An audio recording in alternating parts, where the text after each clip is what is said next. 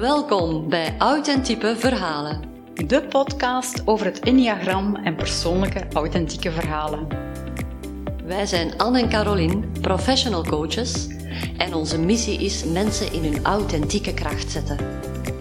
Onze gasten vertellen hun levensverhaal doorheen hun Enneagramtype. Zo is dat.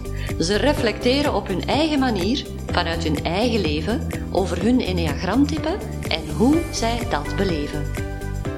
We praten over de patronen in hun gedachten, gevoelens en gedrag. Het gaat over bewustwording, over kwetsbaarheid en spiritualiteit. Het zijn body, mind en soul gesprekken.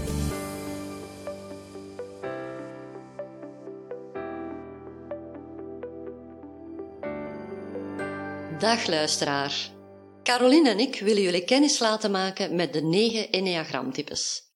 We beschrijven de types vanuit de manier waarop ze in het leven staan. Vooraleer we starten vermelden we nog dat iedereen alle types in zich heeft. Alleen is er één type meer dominant aanwezig.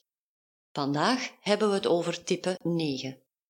Type 9 wordt meestal omschreven als de bemiddelaar. Hij is de vriendelijke persoon die een gebalanceerd leven leidt en ook in zijn werk- en leefomgeving evenwicht brengt. Hij is diegene die ervoor zorgt dat anderen gehoord worden en dat een beslissing breed gedragen wordt. Een klant van mij vertelde dat hij in conflict situaties steeds kijkt naar het gemeenschappelijk belang en dat hij de uiteenlopende standpunten wilt verenigen. Het diepere streven van type 9 is om in balans te zijn. En dus creëert type 9 een stabiel en vredevol bestaan in en rondom zich. Anders gezegd, hij vermijdt conflicten.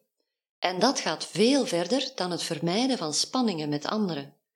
Type 9 stelt zich onopvallend op en houdt van vaste routines en ritmes, van structuur en van duidelijkheid, want die bezorgen hem innerlijke rust en evenwicht.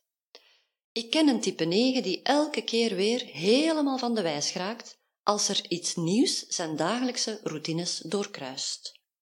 De kracht daarvan is dat type 9 als een rustige en aangename persoon ervaren wordt, die heel consistent is en ook productief binnen zijn eigen routines. De andere zijde van de medaille is dat hij maar moeilijk in beweging kan komen voor nieuwe dingen. Hij kan als traag of ongeïnteresseerd overkomen, terwijl anderen enthousiast zijn over een nieuw idee. Hij heeft tijd nodig om dit te integreren. Type 9 ziet de gedroomde wereld als een plek waar harmonie is, waar gelijkwaardigheid en eenheid heerst, waar mensen respectvol met elkaar omgaan en luisteren naar elkaars perspectief. Hij kan zich als geen ander verplaatsen in al die verschillende standpunten. Daardoor wordt het moeilijk voor dit type om een eigen uitgesproken mening te hebben, wat op zijn beurt kan leiden tot besluiteloosheid. Door zijn onopvallende houding, zijn aandacht voor het standpunt van anderen en zijn onuitgesproken mening wordt type 9 door anderen soms over het hoofd gezien of genegeerd. Dat is het grote pijnpunt voor type 9.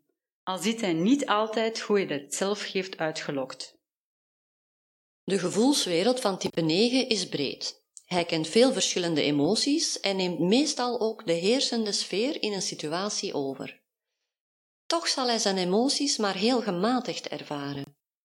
Boosheid, maar ook verdriet en angst worden verdoofd ten voordele van het innerlijk evenwicht.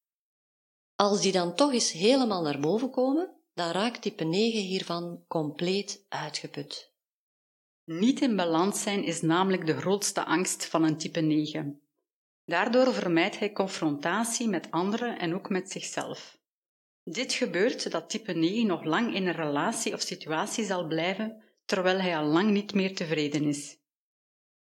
Er valt natuurlijk nog zoveel meer te ontdekken over type 9. Ben je ook benieuwd? Luister dan mee naar de authentieke verhalen van onze gasten. Wat onthouden we nu al van dit type? Een 9 is een rustige, vriendelijke en eerder onopvallende persoon, die de lijm vormt voor het geheel. Het is diegene die uiteenlopende standpunten begrijpt en hen verenigt om zo meer harmonie te brengen. Wil je meer weten over het Enneagram en het verhaal van onze gasten?